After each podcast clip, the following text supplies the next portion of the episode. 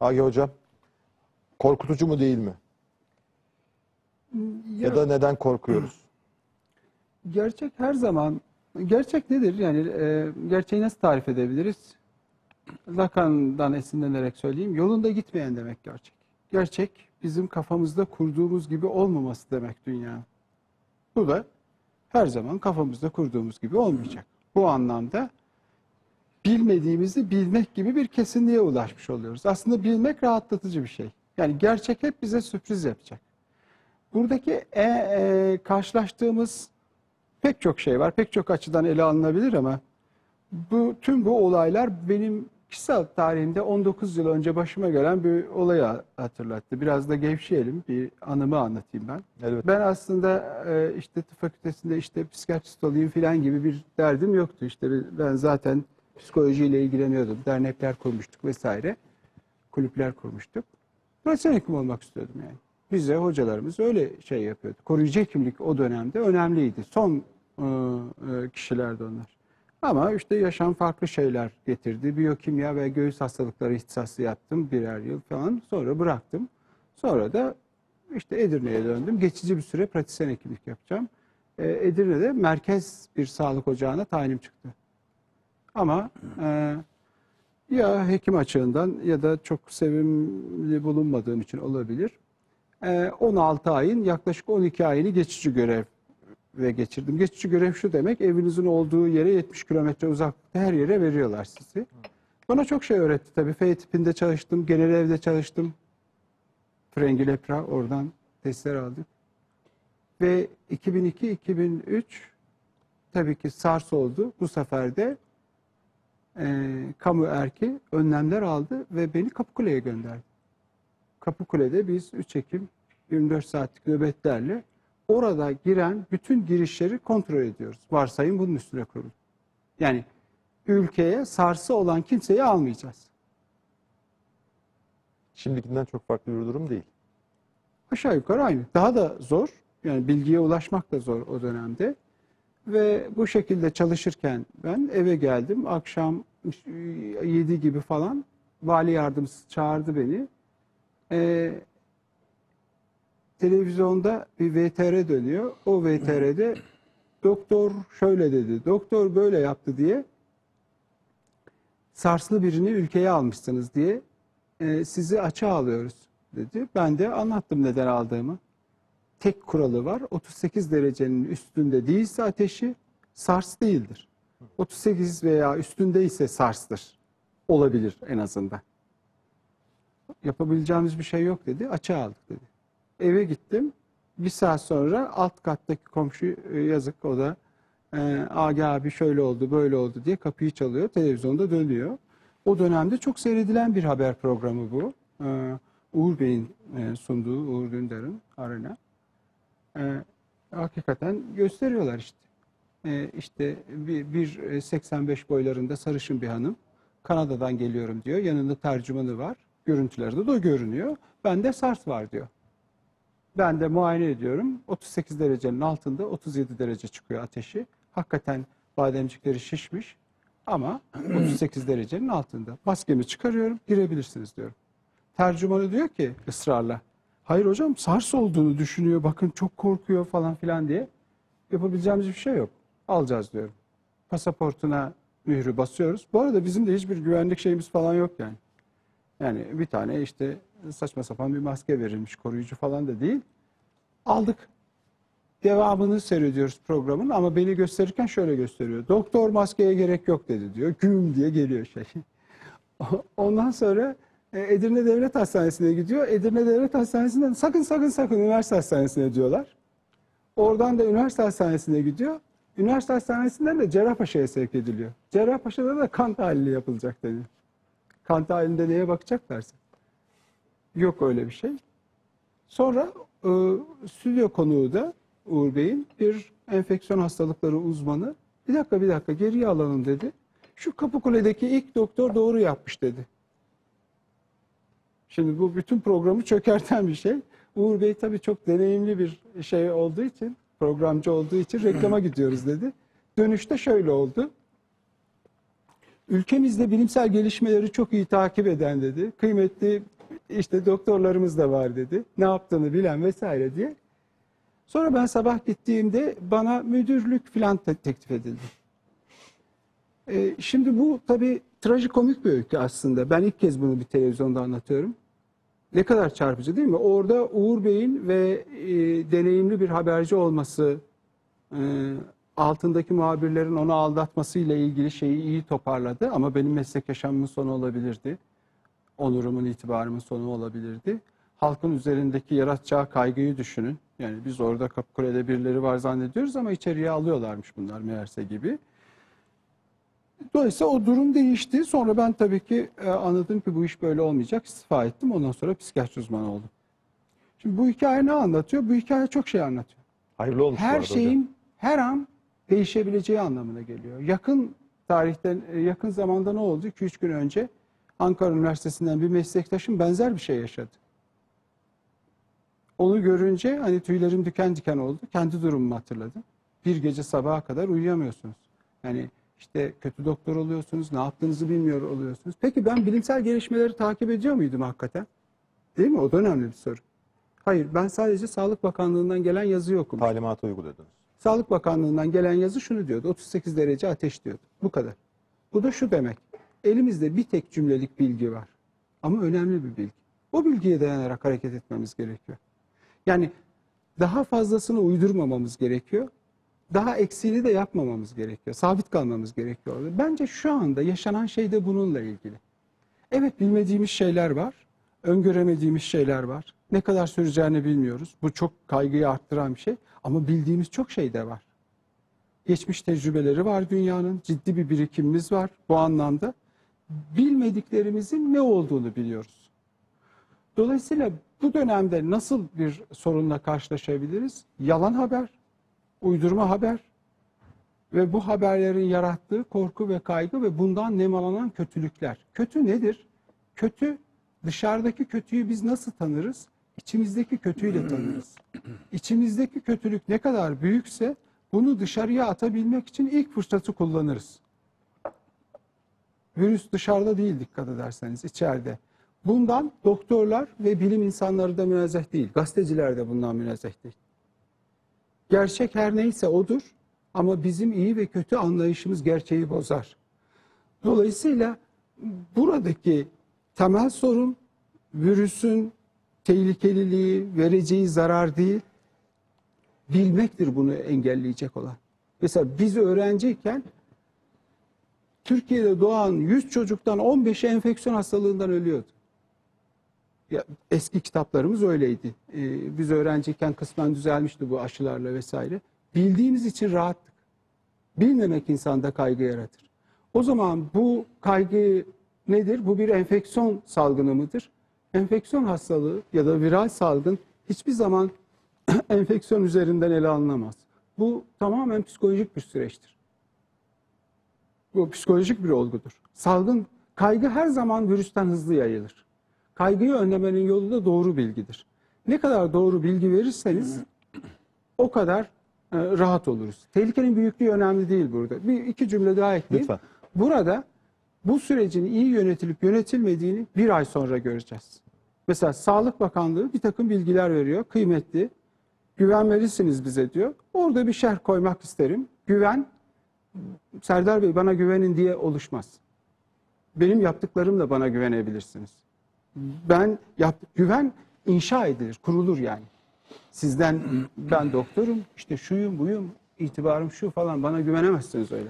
Ben yaptıklarımla güvenilir hale gelirim. Dolayısıyla şeffaflık burada salgını önemli bir ölçüde sınırlar.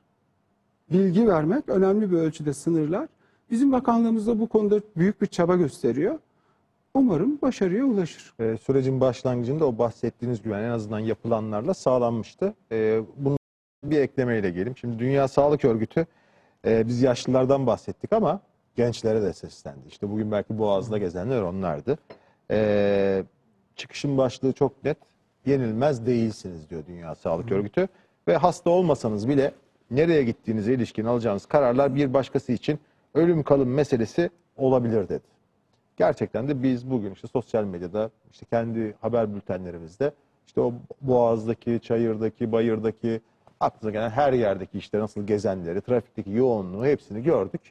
Ee, bir tarafta gerçekten vurdum duymazlık, e, hat safhada en azından sizin kullandığınız kelimeyle ifade istedim Serdar Hocam. Ee, diğer tarafta da işte sosyal medyada birinci sıraya çıkan o trend var, eğilim var. Sokağa çıkmak yasaklansın. Böyle iki uç var. Burada çok somut bir gerçekle karşı karşıyayız. Tabii bu bilinmeyen yanları var. Bilinmeyen yanlarını da beraber göreceğiz. Yani e, işte bu bilinmeyen yanlarına bilmemeye beraber katlanmak yerine hurafelere ya da işte saçma sapan e, bilgilere de inanabiliriz. Birçok seçenek var. Yani burada bir kaygı olduğunda insanın iki davranışı da aslında kaygıyla ilgilidir. Yani hiç önemsememek de kaygıyla ilgilidir. Kaygıyla başa çıkabilmek için geliştirdiği bir savunmadır. Bizim önlemlerimizden daha güçlü değil. Demek de bir şey güçlü. Kabullenememek bunu. İkincisi çok kaygılı olmak da hani çok e, şey yapmak da gene kaygıyla başa çıkmakla ilgili bir şey. Bir kat daha alta indirirsek neyle karşılaştırırız? İnsanın neliğiyle karşılaşıyoruz burada. Yani ne bileyim bu bir virüs salgını evet ama aynı zamanda bir sistem sorunudur. Bu sadece bir sağlık soru sağlık sistemiyle ilgili, sağlıkla ilgili bir sorun değil. Şu an karşılaştığımız şey aynı zamanda bana göre bir sistem sorunudur. Şöyle ki bir insanın kendisini başkalarına kendisinin iyi olduğunu anlatmaya çalışıyorsa o kişiden korkmak gerekir. Çünkü her kötü, her türden kötülüğe tenezzül edebilir. Kendisinin iyi olduğunu anlatırken. Evet evet. Pür iyi olduğunu düşünüyorsa bir kişi o her türlü kötülüğe tenezzül edebilir. Neden? Psikanaliz 100 yıl başında bize ne öğretti? Örneğin biz psikoterapide insanlara iyi olmayı salık vermiyoruz. Kötü yanını tanımasını sağlamaya çalışıyoruz. Kötülüğümüzle barışmadığımızda o zaman pek çok şeyi anlamlandırmakta güçlük çekebiliriz. Örneğin Çin'deki e, e, salgınla ilgili videolara baktığınızda pek çok kişinin hastalığı bulaştırmak için asansör düğmelerine tükürdüğünü, insanların enfeksiyona yakalanması için uğraştığını görürüz. O zaman şununla barışmamız gerekiyor. İnsanlık dediğimiz şey bizim e, zihnimizde kurduğumuz, tahayyül ettiğimiz gibi iyilikle dolu bir şey değil. Evet bunlar olacak. Bazıları kaygısını yenmek için dışarı çıkacak. Bazıları da kötülük olsun diye dışarı çıkacak. Hangisinin daha fazla olduğunu bilmek güç. Ama bunlara teslim olamayız. Bunlara e, papuç bırakamayız. Yani karantina iyi bir şey midir, kötü bir şey midir? Kişisel olarak benim görüşüm karantina şu anda çağım, çağ, çağdaşlarım için sunulmuş bir hediye gibi bir şeydir. İzinli özgürlük gibi bir şey bu. Kim sosyalleşmeye ihtiyacı duyar? Dostları olmayanlar sosyalleşmeye ihtiyaç duyar. Çünkü zamanı geçirebilmek için oyalanmanız gerekiyor. Şu anda günümüzde pek çok insanın eğlence anlayışı oturup işte alkol almak vesaire hareket etmek bir şey yapmak. Sürekli hareket etmek zorunda. Şu anda karantinanın ilk 3-4 günü zor geçebilir hakikaten. Ama dördüncü, beşinci günden sonra şunları fark eden insanlar da çıkabilir. Ya benim karım iyi bir insanmış hakikaten Serdar Bey yani. Biz sohbet ettik. ya da benim kocam iyi bir adammış. Benim oğlum şöyle şöyle şeyler biliyormuşla karşılaşabiliriz. Aman Çin'de boşanmalar çok arttı. Boşanmaları da arttırabilir tabii bu. Gerçekle yüzleşmek için olabilir. Burada karantina Yoksunluk mu var yani hocam? Sistem İnsanlar yoksunluk mu yaşıyoruz. çekiyorlar? O işte sosyalleşememekten de kendilerini sokağa atıyorlar. gerçekle yüzleşmenin zorluğunu yaşıyor olabiliriz. Karantina şu anda bize Maslak'ta akıllı, zeki insanların 12 saat e, e, gökdelenlerde hapis edilmek yerine kendi evlerine döndüklerinde niye bu kadar rahatsız olduklarını kendilerine sorabilecekleri bir zaman dilimi bu. Ya bir dakika ben 12 saatimi koşturarak geçiriyordum. Şimdi niye karantinadan sıkılıyorum? Başka bir derdim olmalı benim. Ha bunu birey olarak çözemeyiz. Başka bir şey çıkıyor kar- karşımıza. Bizim ilişkilerimiz, bağlarımız, dostluklarımız, dayanışmamız. Düşünsenize karantina var. Dört gündür evinizde oturuyorsunuz ve yan komşuya gidemiyorsunuz. O da size gelemiyor. Tanımıyorsunuz çünkü. Drama bakın. daha büyük dramlar çıkıyor. Neden bu bir sistem sorunudur? Nasıl yalnızlaştık bu kadar? Şimdi herkes dehşete düşmüş ya. Peki İtalya'da eğer e, şu anda rakam hatırlamıyorum 3500 kişi öldü. Eğer Almanlar rakam 10 bine çıksın hiç sorun değil şey açısından söyleyeceğim mevzu açısından. Eğer Almanlar İtalyanlar ölüyor, ölüyor diye bize bir şey olmadı biz sınırlarımızı kapattık diye düşünürse tuzağa düşer. İtalyanlar huzurlu uyumadan Almanların uyuma olasılığının olmadığını gösteren bir şey koronavirüs. Koronavirüs bize şunu söylüyor. Diyor ki siz bir ay önce bir buçuk milyon Suriyeliyle meşguldünüz. Onlar şu anda dışarıda ve siz kendinizi kandırıyorsunuz. Aa bir dakika başka zulümler var. Başka başka sorunlar var. Şu anda Almanya ve Türkiye dışında kimse Suriyelileri e, kabul etmiyor göçmen olarak. Almanların da hakkını vermek lazım. Hakikaten belki de suçluluk duygusudur. 1945'ten sonra Avrupa'daki tek ülkedir göçmenlerle en iyi entegre eden. Bir de işte bu son dönemde Türkiye bunu yaptı. Çok kıymetli bir şey hakikaten bu. Dünyanın diğer kısmı, geri kalanı enfeksiyondan korunuyorsunuz siz ama hiç aklınıza gelmedi mi? Bu kadar evsiz var. Bunlar bize bu hastalığı bulaştırmaz mı? Bunların hepsini yok mu etmeyi düşünüyorsunuz? Yoksa onların bulaştırmayacağına mı inanıyorsunuz? Şimdi gerçek o kadar zalim ve o kadar keskin ki bunu görmemek için başka şeylere inanma zorunluluğumuz ortaya çıkıyor. İnsan kaygıyı neden duyar? Az önce söyledim. Freud yüzyıl başında ikiye ayırmıştı bunu. Korku ve kaygı diye. Korkuyla kaygıyı şöyle ayırt ediyor. Korkunun nesnesi vardır diyor. Korku bir belli bir şeye yöneliktir diyor. Kaygının nesnesi yoktur diyor. Bu daha sonra değişti. Kısmen de yanıldığını söyleyebiliriz. Çünkü kendi söylediğiyle de kısmen çelişiyordu. Ama daha sonraki kuramcılar kaygı neyle ilgili? Somut bir örnek verelim. Örneğin kendi Freud'un verdiği Hans vakası vardır. Hans'ın at fobisi var. Bu at fobisi e, analiz edildiğinde neyle karşılaşıyoruz? Bir kaygısı çıkıyor ortaya. Ama kaygının nedeni belli değil. Biraz daha geriye gittiğimizde annesinin ona zarar vereceğiyle ilgili bir korku çıkıyor. İşte annesi onun pipisini kesecek vesaire falan filan. Bizim kültürümüze uyarlarsak belki sünnet olunca ne olacak gibi bir kaygı gibi düşünebiliriz. Fobi ne?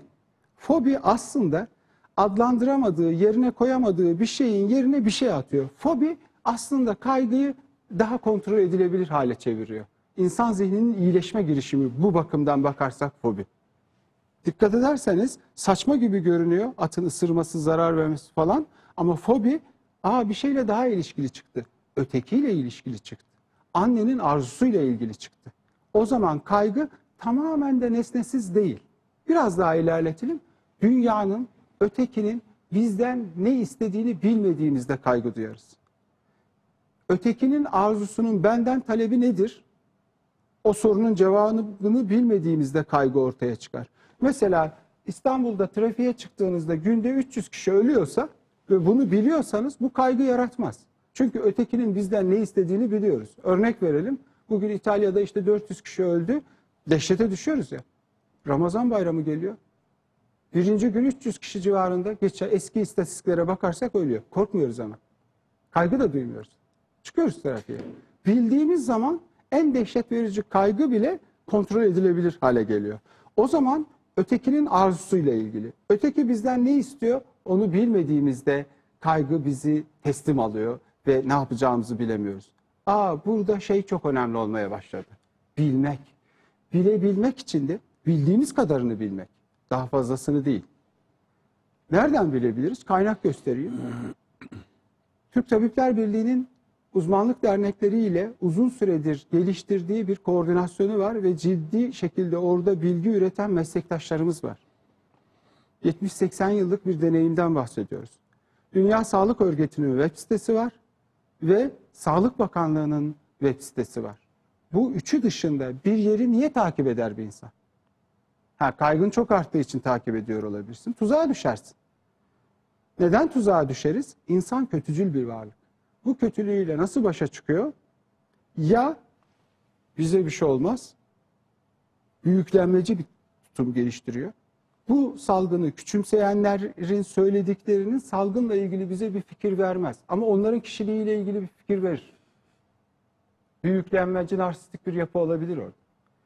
Bu salgını küçümseyenlerin de salgınla ilgili bir fikir vermez. Onların kişiliğiyle ilgili bir fikir verir.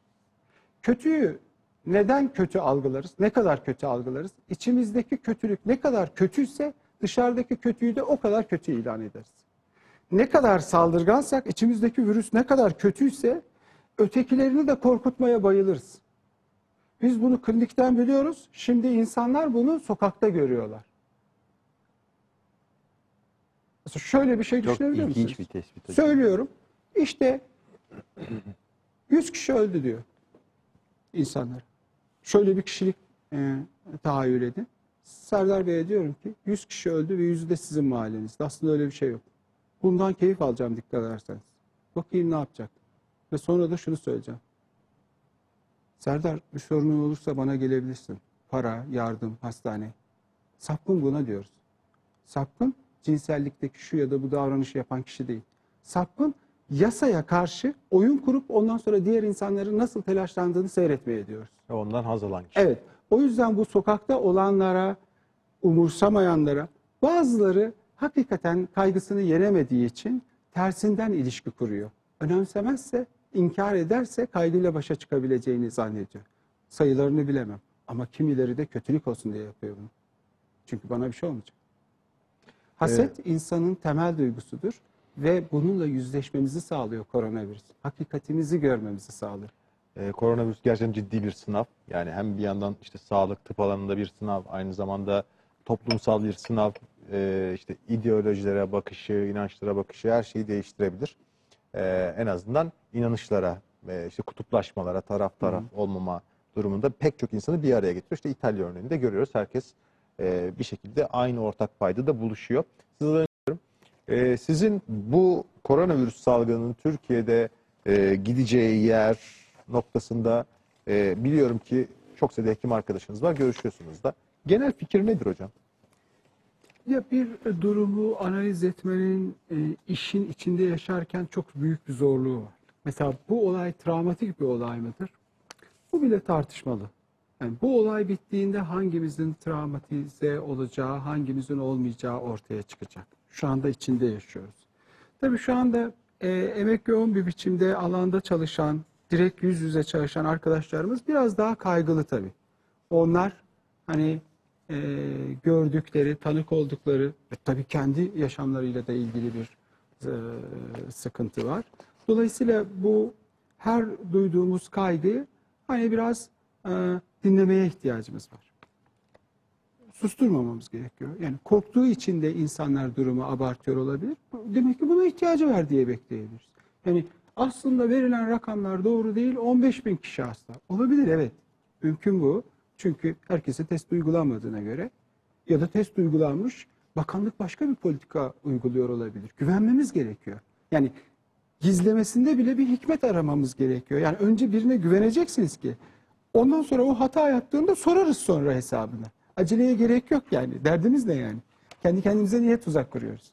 Velev ki bir olumsuzluk var. Ee, ama bu olumsuzluğu hani illa paranoid bir şekilde ötekiler benim kötülüğümü istiyor gibi biraz bu durumda kişinin kendisiyle ilgili düşünmeye ihtiyaç, ihtiyacı var. Yani e, bizim burada ama kendimizle ilgili göreceğimiz çok şey var. Yani koronavirüs şu imkanı sundu insana. Bakın bütün filmler, bütün öyküler, bütün romanlar, Hollywood sineması şunun üstüne kuruludur. Zeki, bizden çok üstün, bizden çok daha gelişmiş, becerikli uzaylılar gelecek, dünyamızı yok edecek. Değil mi? Bu ne? Kendi içindeki kötülüğü dışarıya yansıtırken gene kendi büyüklüğünden ödün vermeden dışarıdaki çok zalim diyor. Ama canlı bile olduğu tartışmalı olan bir virüs insanlığı dize getirdi. Öyle zeki falan değil. Aptal bir varlık perişan etti hepimiz. Biraz yapıp ettiklerimiz ve sahip olduklarımız konusunda alçak gönüllü olmamız lazım. Alçak gönüllülük ve yetersizliğini kabul etmek insanlaşmanın ilk adımıdır. Maymunlar alçak gönüllülüğünü ve eksikliğini kabul etmediği için maymun olarak kalıyor. Yoksa insanlaşabilirler. İnsanı insanlaştıran ilk kaygısı bu. İnsanın en kesin ve ilk duygusu kaygıdır. Kaygı diğer duygu, duygu demeyeyim de hani teknik olarak e, şimdi meslektaşlarımız duygu durum deriz biz. Duygu durum, affekt değişmeyen tek duygudur kaygı. Kesindir çünkü. Ondan saklanamazsın. Hiçbir şeyin arkasına dolama, dolanamazsın. Sadece bir duygu durum değildir. Varoluşsal bir şeydir çünkü. Neye dayanır? Çaresizliğe dayanır. Çaresizlikle ötekinin arzusuna yönelmemize dayanır. Anneye yönelmemize dayanır. Yani çaresizlik bizi dile sokuyor. Biz doğuştan İngilizce biliyor muyuz? Hayır. Doğuştan Türkçe? Hayır. İlk iki yaşında dil öğrenemezsek dil öğrenebiliyor muyuz? Hayır. Dilin kökeni neresiymiş? Dilin kökeni o yetersizlikte anneyle girdiğimiz ilişkiymiş. O zaman yani doğuştan biz insan olarak doğmuyoruz dikkat ederseniz. En azından şu anki bilgilerimiz bunu gösteriyor. Ne oldu burada? Kaygı bizi ötekine yöneltti. Kaygının çaresizliğin benlik bütünlüğümüzde açtığı çaresizlik oradaki o yarık ötekinin arzusuna yönelmemizi sağlıyor. Ötekiyle bir ve bütün olunca kaygı yatışıyor. İlişki ne kadar önemli? İlişki bizi şey yapacak. Ve bu ilişkiyi nasıl kuruyoruz? Ego nedir? Ego kendisiyle ilgili bilgi toplar, iyiyi kendisine alır, kendisinden memnun olmadıklarını da bastırır, bilinç dışına bastırır. Kendimizin kötü bulduğumuz yanlarını kendimiz de bilmeyiz, aşağıya bastırırız. Ego budur. Ego iyiyi kendi içinde tutar. Süper ego nedir? Vicdan yani. Vicdan da bütün kötülüğü ötekine atıyoruz ya. Şu sütün hepsini bana vermiyor bu kadın. Bir kısmını saklıyor, kardeşime veriyor. Kötülüğü ona atıyoruz. Ama sonra onun bizi beslediğini de fark ediyoruz. Süper ego da ötekinin iyiliğinin bizde oluşturduğu suçluluktur. Bazıları bu aşamaya gelemiyor. Bazıları bölüyor. Kötü hep dışarıda, iyi bende gibi. Şimdi burada şükran duygusu girdi dikkat ederseniz. Hani tutum değişikliği dedik ya. Hani İslam felsefesi İslam dini Anadolu'ya şükranı getirmiştir ama tutum değişikliği yapmamıştır. Biz şükranı kimden öğrendik daha sonra? Melanie Klein'dan öğrendik. Viyanalı bir psikanalistten öğrendik.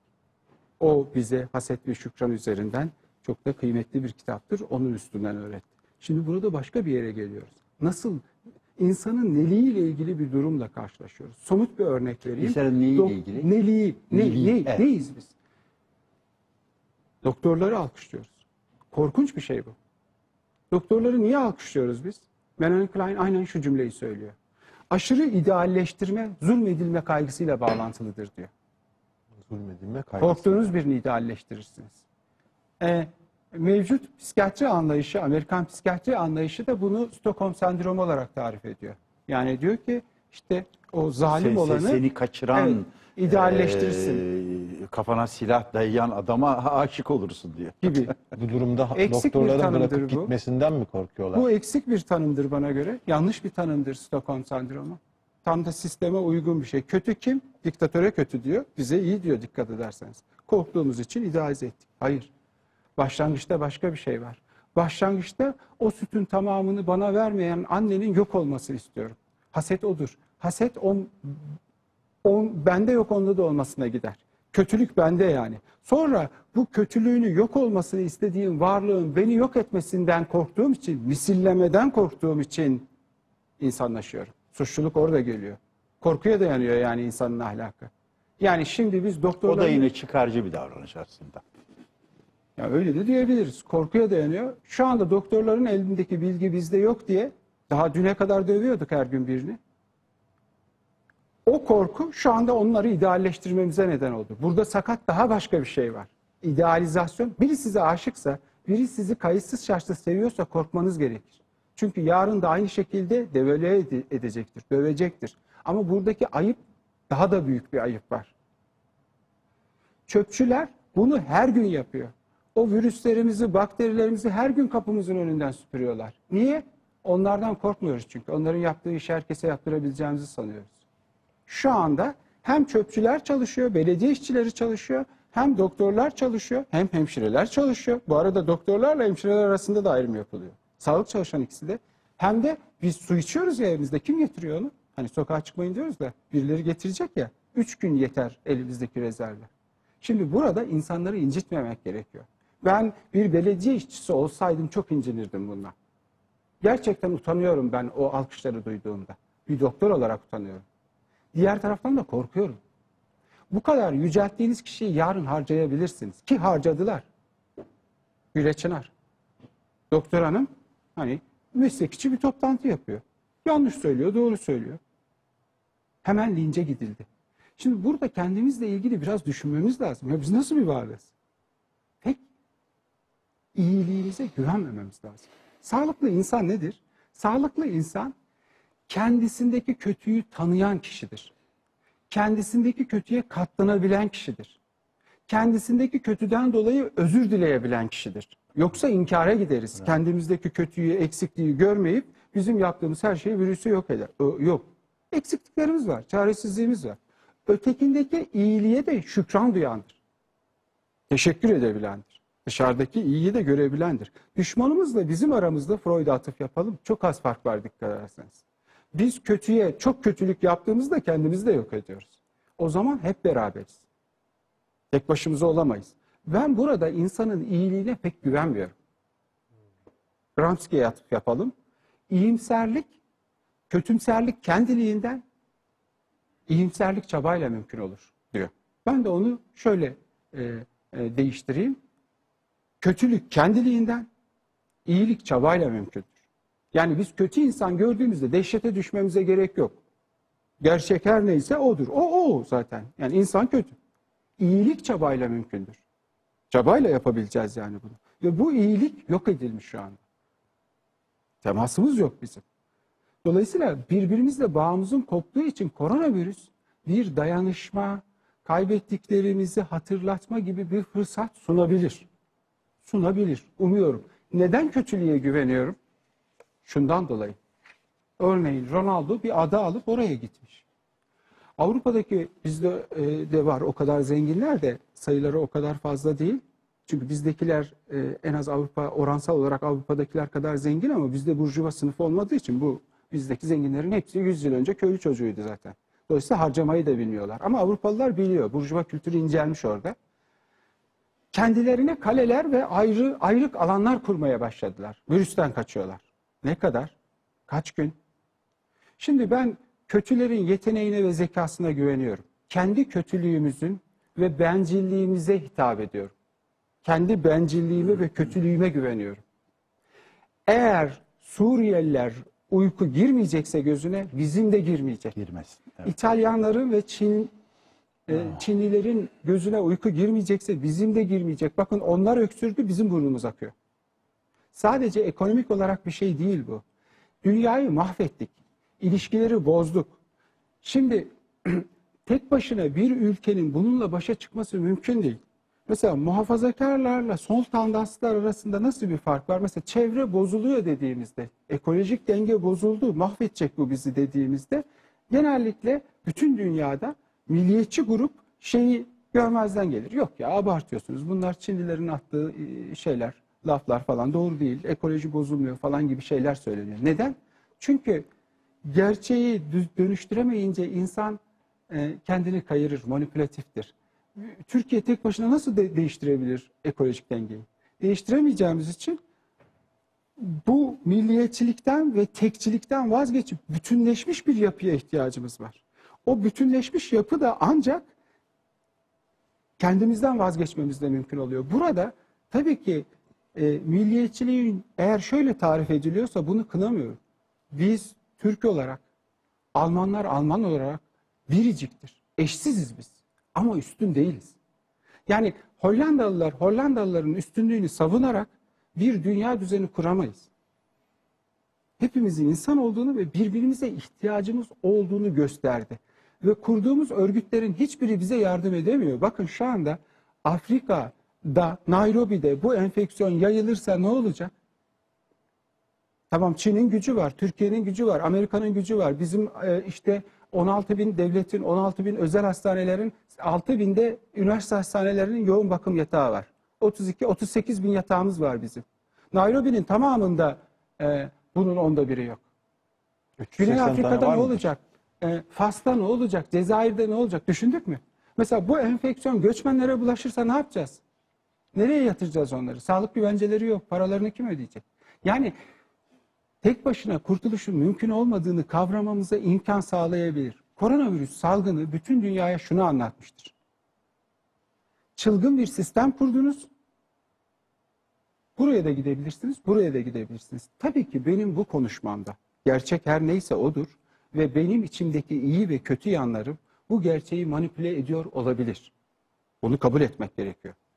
Bu konuşmanı da en az az önce eleştirdiğim şeyler kadar yanlışlıklar vardır muhtemelen. Çünkü benim nesne ilişkilerim, benim sevgi, sevilme, nefret, öfke, kızgınlığım, hasetim, kıskançlığım bu gerçeği bozuyordur kuşkusuz. Ama şu şu bir gerçek. Bizim ötekiyle ilişkilenmeye ihtiyacımız var ve bu ilişkilenme ancak bizi kurtuluşa götürebilir. Yani eğer yardımlaşmazsak kaygı geçmez. Kaygı ötekinin arzusuyla ilgilidir. O yüzden bu ne işe yarayacak diye düşünmeden karşılaştığımız kişiye para verebiliyorsak para, çantasını taşıyabiliyorsak çantasını taşımak. Hani kaygıdan nasıl kurtulacağız diye soruyor ya insanlar psikiyatriste. Tamamen ortadan kaldırmayabilir ama pratik bir yoldur. Çok iyi gelebilir. İhtiyacı olana bir şey götürmek, vermek ve az önce söylediğim gibi bilgi kaynaklarını sınırlandırmak. Çünkü burada bir de narsistik yapısı olan kişiler çıkacaktır. Bir insan kaygı duyuyorsa tedavi etmenin yolu nedir?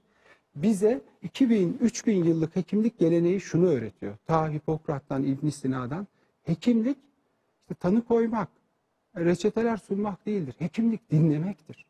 Dinlemediğiniz birini anlamazsınız. Anlamadığınız birini iyileştiremezsiniz. Şarlatanlar e, bir şeyin adını net olarak koyar. Şarlatanlar size tarifler verir. Hekimler dinler, anlamaya çalışır. Anlarken de karşısındakinin anlamasını sağlar. Karşısındakinin neyi anlamasını sağlayacağız biz? İnsan. Konuşan varlık ne konuşuyor? Kendi sözcükleri değil ki o. Konuşan varlık öteki adına konuşuyor. Kimin tuzağına düştüğünü ortaya çıkaracağız. Bak senin anan böyle, baban böyle, devlet böyle, Amerika böyle. Onların söylediğini söylüyorsun. Sen ondan bu kadar korkuyorsun ya da ondan bu kadar yalana inanmışsını ortaya çıkaracağız. Ben çok uzattım. Estağfurullah hocam ne demek. Dayanışmaya Ben- ihtiyacımız var. Ee, dayanışma Bu- bölümüne özellikle geleceğim. Dayanışmanın önünü açabilir.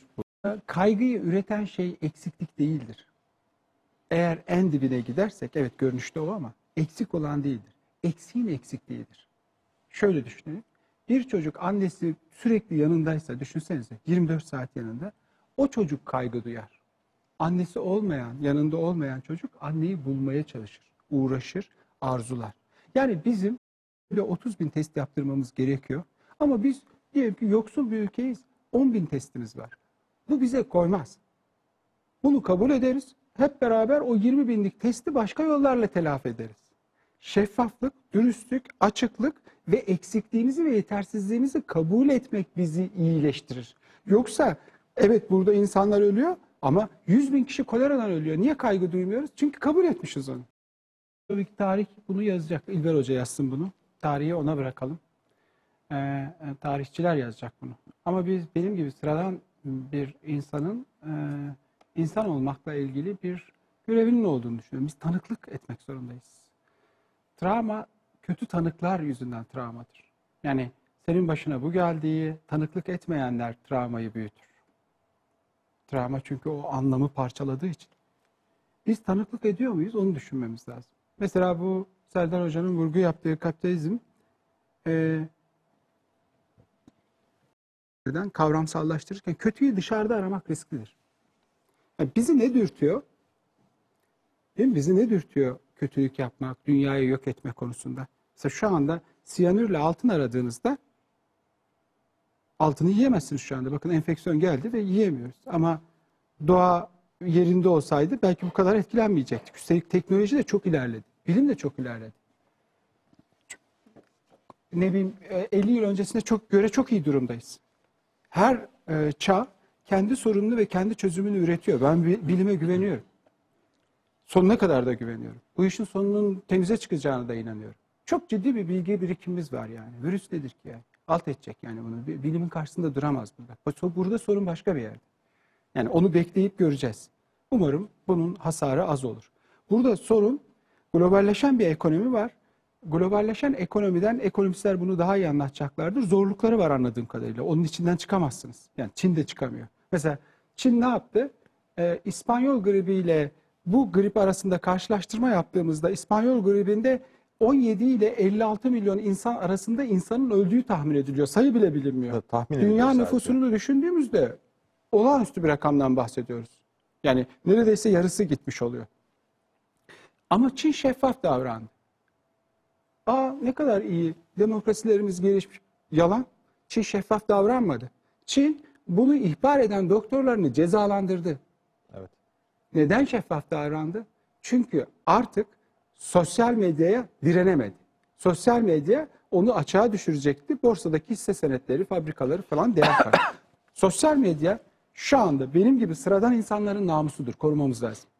Sosyal medya olmasaydı şeffaf davranmayacaktı. Neden şeffaf davranmıyor? Şimdi dünyada ekonomi globalleşti ama politika global değil. Çin Çin'in üstünlüğünü savunuyor. Trump Amerika'nın üstünlüğünü savunuyor. Ben Meksikalılarla ilgilenmem diyor. Trump başka bir şey söylüyor. O zaman burada bir paradoks var. Şimdi 200 yıl önce durum daha iyiydi. Mesela İslam, e, Hristiyanlık, Yahudilik bunlar global bir şeyden bahsediyordu.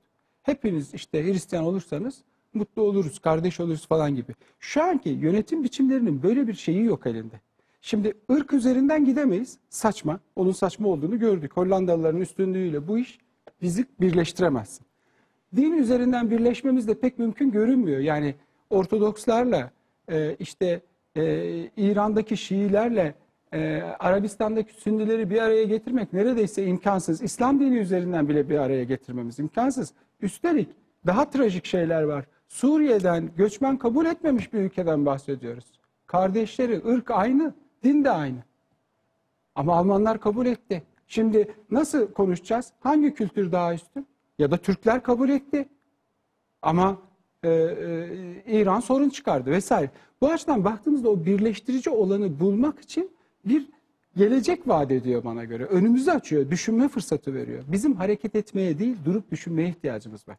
Durup düşünürken de tabii ki önlemlerimizi e, e, almak zorundayız. Hani buradaki temel meselenin dünyayı yok ederken vesaire bu bir etik seçimdir. Bunu da seçebilirsiniz, onu da seçebilirsiniz. Ben kişisel görüşümü söylüyorum. Psikiyatrist olarak sö- söylemiyorum bunları. Benim kişisel görüşüm bu tercihi yapmak daha iyi olabilir. Yani ancak kendi kötülüğümüzü, e, kendi saldırganlığımızı, kötücüllüğümüzü kabul edersek e, iyiliğe gidebiliriz. Kendi kötülüğünü kabul etmeyen birinin iyi bir şey üretme olasılığı yoktur. O zaman büyüklenmeci bir havaya girersiniz. Mesela e, Osmanlı ya da onu temsil eden bizler Araplardan özür dileyebiliriz. Şöyle, ya biz sizin vergilerinizi aldık. Bu Batılıların geliştirdiği teknolojiyi geliştiremedik. Sizi birleştireceğiz diye. Kötümüzü itiraf edebiliriz. Uyduruyorum bunu. İyimizi de söyleyebiliriz. Bak hoşgörülü davrandık. Herkes inançlarını yaşadı. Araplar da başka bir kendi kötüsünü ve iyisini söyleyebilir. Düşünebiliyor musunuz? Yanlarındaki Suriye'den göçmen kabul etmediler. Neye göre şimdi kardeşlikliği savunacağız? Neye göre Doğu kültürünü savunacağız? Bu noktada- Almanlar mı? Alman kültürü mü kıymetli? Bu kültür mü kıymetli? Türk kültürü mü kıymetli? Ruslar mı kıymetli? Dolayısıyla bu milliyetçilik, ırkçılık yıkıcı bir yere götürüyor. Yani bizim insan kardeşlerimizle barışık olmamız gerekiyor. Politikalar şuna yönelmesi gerekiyor. Göçmen, yani şu anda dünyanın en önemli sorunu göçmen sorunudur. Bakın önümüzdeki 30 yıl içerisinde İzmir'in tamamı göç etmek zorunda kalabilir susuzluktan. Çünkü şeyi yok ediyoruz. Su, su kalmayacak. Hepimiz göçmen olacağız yani. Dolayısıyla politik tercih, etik tercih sanırım ben bir politikacı değilim ama kişisel olarak e, düşündüğüm ve seçimimi söylüyorum. Burada göçmen konusuna dünyadaki ekolojik dengenin bozulmasıyla ilgili politika üretmeyen birine oy vermemek gerekiyor. Kötü hiçbir zaman kapitalizm değildir bana göre. Bizi kim dürtüyor? Şeytan dürtüyor. Değil mi? Anadolu'da bu inanış var. Psikanaliz de aynı şeyi söylüyor. Freud da aynı şeyi söylüyor. Diyor ki bizim saldırganlık ve sevgiye dayalı yaşam içgüdüsü, e, ölüm içgüdüsü diyor Melanie Klein. Freud yaşam dürtüsü, ölüm dürtüsü diyor. Yani bir tarafımız yıkıcılığa giderken bir tarafımız sevgiye gidiyor. Yani bizi bir şey dürtüyor. Bu nedir? Bilinç dışıdır diyor.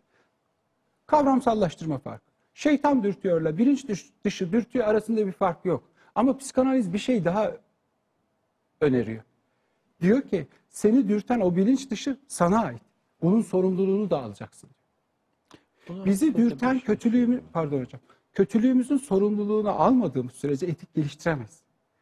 Kötülüğümüzün sorumluluğunu alırsak da o kardeşlik, dünyayı yeniden kurmak, korumak. Tabii ki biz eşsiz bir halkı.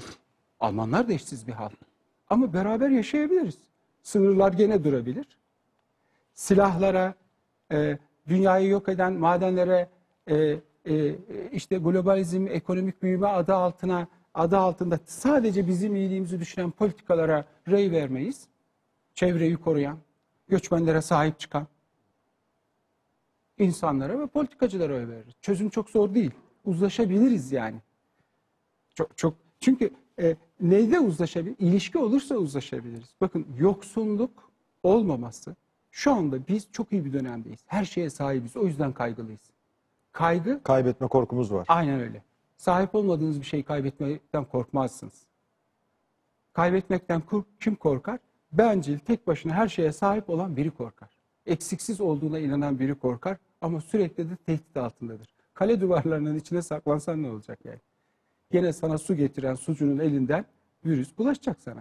Ee, Edgar Morin'in yine bir işte o az önce bahsettiğim makalede geçen e, tecrit döneminde insan, tecrit dönemi insanları nasıl etkileyecek diye bir başlık var hocam. Kimin makale? Edgar Morin. Hı hı. Ee, çok hoşuma gitti açıkçası. Ee, aslında bizim işte yaklaşık bir buçuk yıl boyunca hep insanın işte anlamı, insanın ne olduğuna dair sohbetlerimizde de geçen, nereye gidilmesini gerektiğini anlatırken siz dahil bütün değerli konuklarımızın yaptığı tespitlerle de aslında bayağı bir örtüştü e, gözümde. E, hem onu okumak isterim hem de sizin fikrinizi almak isterim. E, tecrit sayesinde içinde bulunduğumuz sıkışık olmayan, işte metro, iş, uyku arasında kaybolmayan zamanda kendimizi bulabiliriz diyor. Yani aşk, arkadaşlık, şefkat, dayanışma, hayat şiiri, tecrit yaşam tarzımızda detoksa başlamamıza, e, iyi yaşamanın ne olduğunu anlamamıza her zaman bizi de dahil ederek beni tatmin etmemize yardımcı olabilir ifadesini kullanıyor. Sizce tecrit dönemi bizleri nasıl etkileyecek? Ee, Ben hani katılıyorum. Ee, tabii ki yazdıklarının sanırım bir kısmı da temenni. Böyle olabilir, olmayabilir.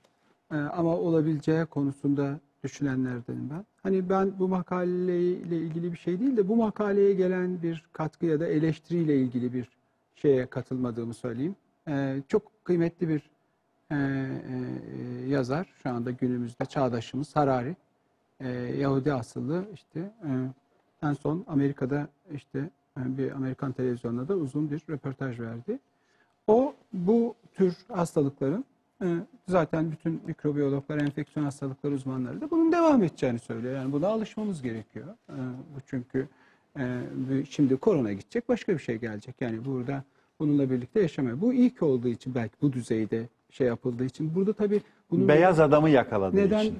böyle yansıtıldığını da anlamakta güçlük çekiyor tabii insan. Hani işte bu nedir? Ee, siz televizyoncu olduğunuz için bana göre daha iyi bileceksiniz. İşte yani bir kişiyle ortaklık yarattığınız birini öne çıkarırsanız herkesi korkutursunuz. Yani işte Bruce işte, işte ne bileyim Tom Cruise da hastalandı derseniz benim gibi sıradan biri korkar. Yani o ikonik kişileri seçer. Ee, Kanada Başbakanı da şey oldu. İşte zengin fakir seçmiyor falan gibi politik bir de sos ekleyip medyaya iyi malzeme çıkardı. Bu doğru değil. Seçiyor. Nasıl seçmiyor? Basbayağı seçiyor. Yani eğer bir tane politikacı ölmüş olabilir. Ben şu anda konuşuyorum. Yarın ölebilirim. Ama bu Yok, se- seçmediği anlamına gelmiyor. Başka bir hastalığım vardır. Daha kolay olmuştur. Öyle seçmiyor falan değil. Ee, Burada hani getirilen şey insanlar bu kadar sıkı takip edilirse, evlere kapatılırsa işte bu internet, telefonlar vesaire e, iktidarların, devletlerin tahakkümü daha da artar diye Harari'nin e, kısmen haklı olabileceği sert bir eleştirisi var burada. Hani bunlar iyi güzel de böyle bir yanı var diyor bu, bu daha sonra. Bana göre burada yanılıyor. Bu bir önceki yüzyılın sorunuydu. Artık bizim takip edilmekle bir ilgili bir derdimiz yok. Çünkü biz konum bildiriyoruz. Her şeyimiz mümkün. Dolayısıyla Kendi bu, elimizle yapıyoruz. Evet, Huxley'in ve Orwell'ın yazıları için kıymetliydi. Geçti o. Şimdi durum bir araya gelmemizle ilgili sorun var. Dolayısıyla tamamen katılıyorum okuduğunuz makaleye. Bir araya gelmemiz iyileşme olasılığını arttırıyor. Koronavirüs insanın ötekiyle karşılaştığında tekrar kendisine dönme gerilimini arttırıyor. Kavgaları arttırabilir bir süre. Ama bu gerilim bir olumlu doğumla sonuçlanabilir. Kendimizi yeniden bulabiliriz. O da öyle diyor zaten. Hani biz de beni bulabiliriz. Ee, Dolayısıyla bunun e, e, bizim bir araya getirilmemiz, konuşmamız, şiirler yazacağız belki. Belki aşk mektupları yazılacak. Romantize ettiğim düşünülebilir. Ama insan bundan ibaret. Biz biraz da e, e, ruhsallığı olan e, bir varlığız. Korona Ateist ya günlerinde da- aşk. ateist ya da Müslüman, Hristiyan olmaktan bağımsız bu. Biz tamamen gerçeği gerçek gibi algılayan bir varlık değiliz. Algılamamızın üstüne gölge düşen bir şey var. Hani somut bir örnek vereyim. Ne ile karşılaşacağız eve gittiğimizde? Şimdi televizyon seyretmekle radyo dinleme arası e, dinlemek şöyle bir şeydir. Tutar seni orada. Çünkü biraz sonra bir şey olacak ve yeni bir zevk alacağım ve mutlu olacağım. Sen sürekli onun peşinde koşarsın. Sabah 3 olur hala peşindesindir. Yorgun düşüp uyumazsan. Bir de plak dinlemek vardır. Plak dinlemekle televizyon seyretmek ve radyo dinlemek arasında şöyle bir fark vardır. Plakta neyi sevdiğini, neyden zevk aldığını bilen birinin zevkinden bahsediyoruz. Zevk aldığı şeyden zevk alabilen bir insanlaşmış, dürtülerini kontrol edebilen, olgunlaşmış bir varlıktan bahsediyoruz. Plak mi dinleyeceğiz bundan sonraki hayatımızda? Bir şeyin peşinden mi koşacağız? Bu fırsatı sunabilir gibi geliyor bana. Hem kendimizi hem de birbirimizi tanımaya fırsat Evet. sağlayan e, bir dönem olacak gibi görünüyor. E, az önce programın tam ortaya noktalarında bahsetmiştim. Program e, eskisine göre e, en azından daha kısa ve e, çok keyifli bir sohbet oldu. Eminim izleyenler de e, konu her ne kadar karanlık, konu her ne kadar iç karartıcı olsa da e, olay en azından koronavirüs konusuna başka bir açıdan baktığımız için memnun olmuşlardır diye düşünüyorum.